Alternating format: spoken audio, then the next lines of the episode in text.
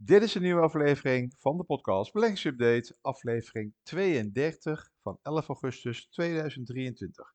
Mijn naam is Joost Boers. Elke week een kort overzicht over de beurs, aandelen, beleggen en vermogensopbouw. Ook een praktijkcasus. Deze week wat meer aandacht voor uh, onze Warren Buffett. Met uh, de hele mooie cijfers van zijn uh, bedrijf Berkshire Hathaway. Nou, deze week was het weer wachten, wachten, wachten op nieuwe inflatiecijfers vanuit Amerika. Beurs blijven allemaal relatief goed liggen. Cijfers van consumentenproducten, CPI, dus op consumentenniveau, maar ook op productniveau. Dat bedoelde ik eigenlijk. Dat is PPI. Nou, bij, deze beide cijfers dienen dan wel uh, de ingezette daling van inflatie te bevestigen. Want dan kan de beurs wel weer verder herstellen. Anders wordt het een moeilijk verhaal als plotseling een uh, andere patronen gaan laten zien. Nou, dat uh, cijfer viel uh, dus donderdag, bijvoorbeeld het CPI, dat inflatiecijfer, viel iets mee. De Amerikaanse consumentenprijzen zijn voor de tweede maand op rij relatief beperkt gestegen. In juli lagen de prijzen 0,2% hoger dan de maand ervoor. Die prijsstijging, de, de prijsstijging blijft hiermee eigenlijk op het afzwakkende traject waar de centrale bank in Amerika op hoopte. Nou, van het bedrijfsleven hebben we nu wel alle grote partijen gehad. Dus vanuit cijfers gaan we geen impulsen meer krijgen. Wel kan eventueel de gestarte vredesbespreking tussen Rusland en Oekraïne in het uh, Midden-Oosten voor uh, eventueel verrassing zorgen, maar dat, dat is iets wat op iets langere termijn, denk ik, uh, een rol kan gaan spelen. Ja, de beurs reageerde dus donderdag uh, in eerste instantie toch wel behoorlijk opgelucht over de inflatiecijfers en steeg iets verder door. Ja, naast inflatie hadden we deze week ook wat ander nieuws dat de markten bepaalde. Bijvoorbeeld in China. In China daalt de economische groei en ook de prijzen dalen. Het gaat iets harder dan in uh, het westen van uh, de wereld, Amerika en Europa. Maar of dit nou een goed of slecht teken is, dan moet je kijken van de, welk uh, oogpunt je het bekijkt. Maar zowel de producenten als de consumentenprijzen in China zijn in juli gedaald, vergeleken met een jaar eerder.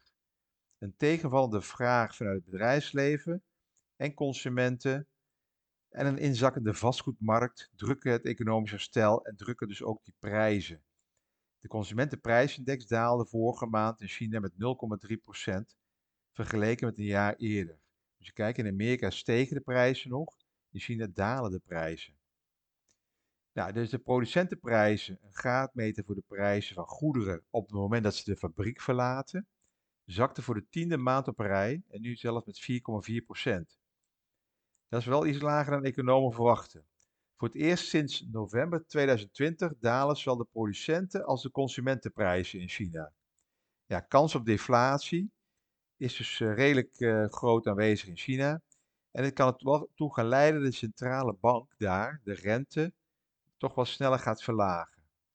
Nou, bij, dalende prijzen en afzwakkende economie krijg je een versterkend effect dat die consumenten gaan afwachten. Ja, hoe ver kunnen de prijzen nog dalen? Ja, vooral de duurzame goederen, duurzame producten, in de hoop dat duurzame uh, producten nog gunstiger te kunnen kopen. Denk maar aan wasmachines, vervangingsinvesteringen of uh, televisie, dat soort zaken. Dat, daar gaan ze gewoon op wachten. Nou, dat uitstelgedrag uh, gaat eigenlijk die neergaande spiraal versterken, waardoor een uh, redelijke recessie mogelijk is in China. Dus die centrale bank zit wel met een probleem, ze zullen toch iets met die rente moeten gaan doen. Maar ja, in China heb je nog een ander probleem, het demografisch probleem. Dat hebben wij hier ook wel last van. En dat is de veroudering van de bevolking. In China heb je weinig, uh, weinig immigranten. Dus de veroudering van de bevolking zorgt daar dus voor een verschuiving in het demograat, demografisch geheel. Wat je vooral ziet is vooral vastgoed heeft hier last van. Er is al heel veel leegstand in China. Je kan zo uh, googlen op wat filmpjes. Uh, waarbij er dus gewoon hele rij aan flatgebouwen weer gesloopt worden, die, die gewoon al vijf jaar leeg staan. Dus die zijn door projectontwikkelaars opgezet, uh, gebouwd. En vijf jaar lang is er gewoon niemand geïnteresseerd om daar te gaan wonen. En ja, die worden dan maar weer gesloopt. En dan kunnen ze weer opnieuw beginnen. Maar ja, tussen die, die dalende vastgoedprijzen helpt ook die uh, inflatiecijfers niet. Dat, dat werkt dus die deflatie ook weer in de hand.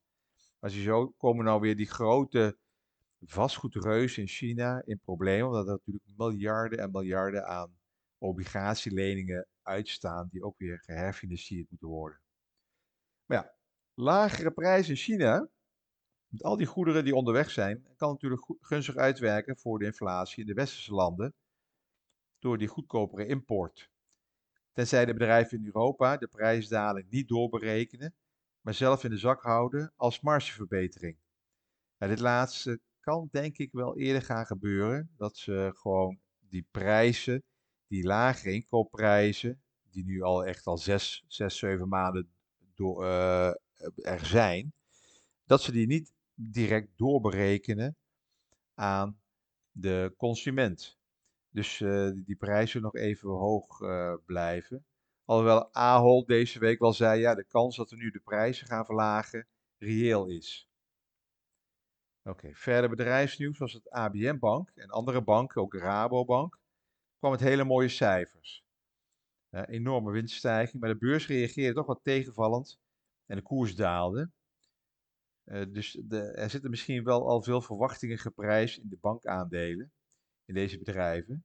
Ja, verleden week had ik het nog over dat uh, analisten zijn, uh, bijvoorbeeld Morningstar, die zegt die bankensector, dat ze nog steeds wat ondergewaardeerd zijn.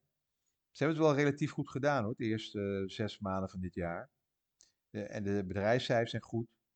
Maar het werd ook deze week direct afgestraft door de politiek in Europa. Vooral door het nieuws vanuit Italië dat de overwinsten waarschijnlijk extra belast gaan worden. Als aan een rechtse regering van de Meloni ligt, gaan banken 40% belasting betalen op hun overwinsten. Wel raar, hè? De rechtse regering die dan de banken gaan belasten voor uh, overwinsten. Dat verwacht je eerder bij een linkse regering. Maar ja, het is maar even zo. Ja, die beurs in Milaan reageerde daar uh, afgelopen dinsdag uh, enorm heftig op door forse dalen. De aandelenkoers van de Italiaanse banken daalde flink. Ja, er ging toch wel behoorlijk wat kapitaal, miljarden aan kapitaal, aandeelhouderswaarde ver, verdampt afgelopen week. Bijvoorbeeld aandelen van Unicredit en Intesa, San Paulo, de grootste banken van het land, daalden met respectievelijk 6 en 8 procent. Fineco Bank ging bijna 10 procent lager. Nou, de Italiaanse beurs verloor dan zo'n 2,3 procent. Maar ook elders in Europa hadden banken het zwaar deze week. Ja, en vervolgens kwam Moody's in Amerika met nieuws dat, dat ook weer die zorgen over de bankensector aanwakkerde. De kredietbeoordelaar presenteerde een aantal onverwachte afwaarderingen. Moody's heeft een rating van 10 kleine en middelgrote banken verlaagd en zes grote banken op de zogenaamde watchlist gezet. Die moeten dus in de gaten worden gehouden. Het gaat uh, onder andere om de Bank of New York Mellon en State Street. Dat, dat zijn die grote jongens. Dat het bankennieuws meteen leidt tot onrust blijkt ook op, uh, uit die Volatility Index van de CBOE, de VIX. De zogenaamde angstmeter van Wall Street. Die steeg uh, deze week in eerste instantie naar het hoogste punt van de afgelopen twee, ma afgelopen twee maanden. Maar ja, donderdag op die goede inflatiecijfer kwamen daar weer wat winstnemingen op. Dus dat, uh, je ziet in ieder geval dat die VIX, uh, dus de volatility, de bewegelijkheid weer wat gaat toenemen. Ik kom daarop terug straks in mijn bespreking over de maand augustus. Nou, een paar dagen geleden kwamen cijfers uit van een groot Amerikaans bedrijf, de Berkshire Hathaway, dat is een beleggingsfonds. Gerund dus door die twee oude oudjes, hè, de, de 90-plussers echt senior, senior, senior beleggers. Maar ja, ze, zijn, ze leven nog steeds en ze doen het prima. Berkshire Hathaway uh, van uh, Warren, begeleid door Warren Buffett, heeft in het tweede kwartaal van 2023 een netto winst geboekt van 36 miljard dollar. Netto winst van 36 miljard dollar. Ja, dat, dat, is ongeveer, zijn ongeveer 20 Nederlandse bedrijven uh, bij elkaar opgeteld. En dan kom je nog niet eens aan die netto winst.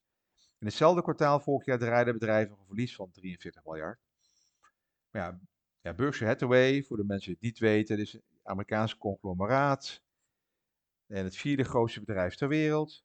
Het conglomeraat bezit een groot aantal bedrijven in de financiële sector, transport- en energiesector. Berkshire Hathaway heeft ook een minderheidsbelang uh, in onder andere Apple en uh, Coca-Cola en Wells Fargo. Ja, minderheidsbelang, uh, dat is inderdaad een klein belang, maar als je in Apple een relatief groot belang hebt, dan praat je daar over miljarden aan investeringen. Nou, Berkshire moet de waardeverandering van zijn portefeuille meetellen bij de winstberekening, ook als deze nog niet daadwerkelijk tot winst of verlies heeft geleid. Daarom zie je wel eens die bewegelijkheid, die volatiliteit in die winst- en verliesrekening.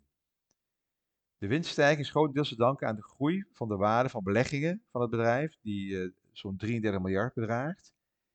In tegenstelling tot vorig jaar, toen het nog een afboeking van uh, bijna zo'n 60 miljard deed. En dat leidde toen aan die rode cijfers. Nou, opmerkelijk is het feit dat het bedrijf meldde dat uh, 80% van de waarde van zijn portefeuille geconcentreerd is bij vijf bedrijven. Vijf bedrijven. Dus uh, je zit bij een geconcentreerde beleggingsfonds. dat is Apple, Bank of America, American Express, Coca-Cola en Chevron. En Chevron hebben ze echt de laatste drie, vier jaar heel veel gekocht. En het heeft ook een enorme uh, winstbijdrage geleverd. Uh, Berkshire Hathaway heeft naast zijn gespreide effectenportefeuille ook meerderheidsbelangen in bedrijven. Aangezien die bedrijven actief zijn in verschillende economische sectoren, ja, worden eigenlijk de resultaten van Berkshire gezien als een graadmeter voor de stand van de economie. Wat ook uh, opvallend is dat die Berkshire Hathaway, ook al die, die, die oude heren, die zijn natuurlijk ook wel uh, voorstander van dat er een keer iets moet gebeuren op het gebied van duurzaamheid. Maar dat ze zoveel bij hebben gekocht in Chevron, een oliemaatschappij. Maar als je nou kijkt wat de afgelopen dagen in Engeland gebeurt, is dat de overheid daar zegt van we gaan voorlopig nog gewoon door met uh, olie en gas en vooral gaspompen uit uh, ons deel van de Noordzee. Want dat hebben we gewoon nodig voor economische groei. Maar ook met dat geld kunnen we ook gaan verduurzamen natuurlijk. Maar dat was ook wel goed nieuws voor Shell, want die is natuurlijk ook uh, groot in Engeland. En de koersreactie van Shell was daar natuurlijk ook positief op. Nou, regelmatig neem ik de maanden door. Hè, dus elke wel een maand. Uh, en dan kijk ik even terug naar die historie. Van wat, wat is er in die historie gebeurd in die maanden? Welke maanden zijn sterk, welke maanden zijn zwak? Ik, heb vaak gezegd over uh, sell in May and go away. Waren het een slechte maanden? Of don't forget to come back in september. Hè? Welke maanden zijn er zwak? Oktober is altijd zo'n angstmaand. Maar augustus is ook wel een maand wat vaak door beleggers geassocieerd wordt met slechte rendementen. Nou, of dit klopt, dat, dat uh, we even terug gaan kijken. Maar dat valt wel mee. De gemiddelde winst voor aandelen in elke augustusmaand sinds 1960, wel op basis van Amerikaanse cijfers, maar ja, luister even hier, als Amerika is toch bepalend. Als Amerika het goed of slecht doet, dan doet Europa een paar dagen later het ook weer. Hè? Die kopieert gewoon de trend van Amerika. Dus uh, onderzoeken vanuit Amerika kan je gewoon gewoon kopiëren naar uh, Europese verhoudingen, verbanden. Nou, in elke augustus sinds 1960 is dan is toch wel beter geweest dan bijvoorbeeld de maanden mei, juni en juli. Dus na verloop van tijd en vergelijk met andere maanden is augustus helemaal niet zo slecht. Augustus is wel een beetje uh, wild. Dat wil niet zeggen dat, dat, allemaal, uh, uh, dat allemaal zon en stranddagen en happiness is in de maand augustus. Dat het alleen maar mooi is. Sommige periodes laten echt slechte prestaties zien in de maand augustus. Hè? Dus het kan heftig zijn in augustus. Nou, voor aandelenkennis is het een kwestie van meting en tijdsbestek dat je gebruikt. Hè? Je kan kijken naar de laatste vijf jaar of laatste tien jaar of uh, langer terug gaan kijken. Je hebt natuurlijk ook hele slechte maanden tussen. Dat, dat, uh, mij is het 2015 of 2018 dat de Chinese uh, munt devalueerde. En dat er wat problemen wereldwijd. Men dacht van oké, als het in China zo slecht gaat, dan kan het ook voor uh, de economie wereldwijd uh, gevolgen hebben. China is eigenlijk een soort economische motor geworden voor de wereld. En toen daalde de, de AX met 15% in één maand. Dus uh, dat is wat bedoeld wordt. Augustus kan wel eens wild zijn. Hè? Stormachtig. Het is niet alleen maar zonneschijn en stranddagen. Nou, hier helemaal niet met die regen, maar dat is een ander iets. Dus augustus is een maand die waarschijnlijk hobbelig zal zijn. Dus de beleggers die op wat korte termijn spelen of te veel met een hefboom beleggen, zijn dus gewaarschuwd en moeten opletten op een paar slechte dagen. Nou, dus uh, over één ding zijn experts het eens, maar daar kom ik uh, de komende week wel op terug. September is echt een verschrikkelijke maand. Bijna elke statistische meting laat zien dat aandelen september laag renderen. Misschien is het dus het beste om te genieten van deze regendagen in augustus, van de zomer, zolang de zomer nog duurt. Uh, eind van deze week was het wel wat zonniger weer. Augustus valt dus best mee qua rendementen. Maar het kan heel erg volatiel zijn. Dus die VIX-index moet je maar gewoon in de gaten houden.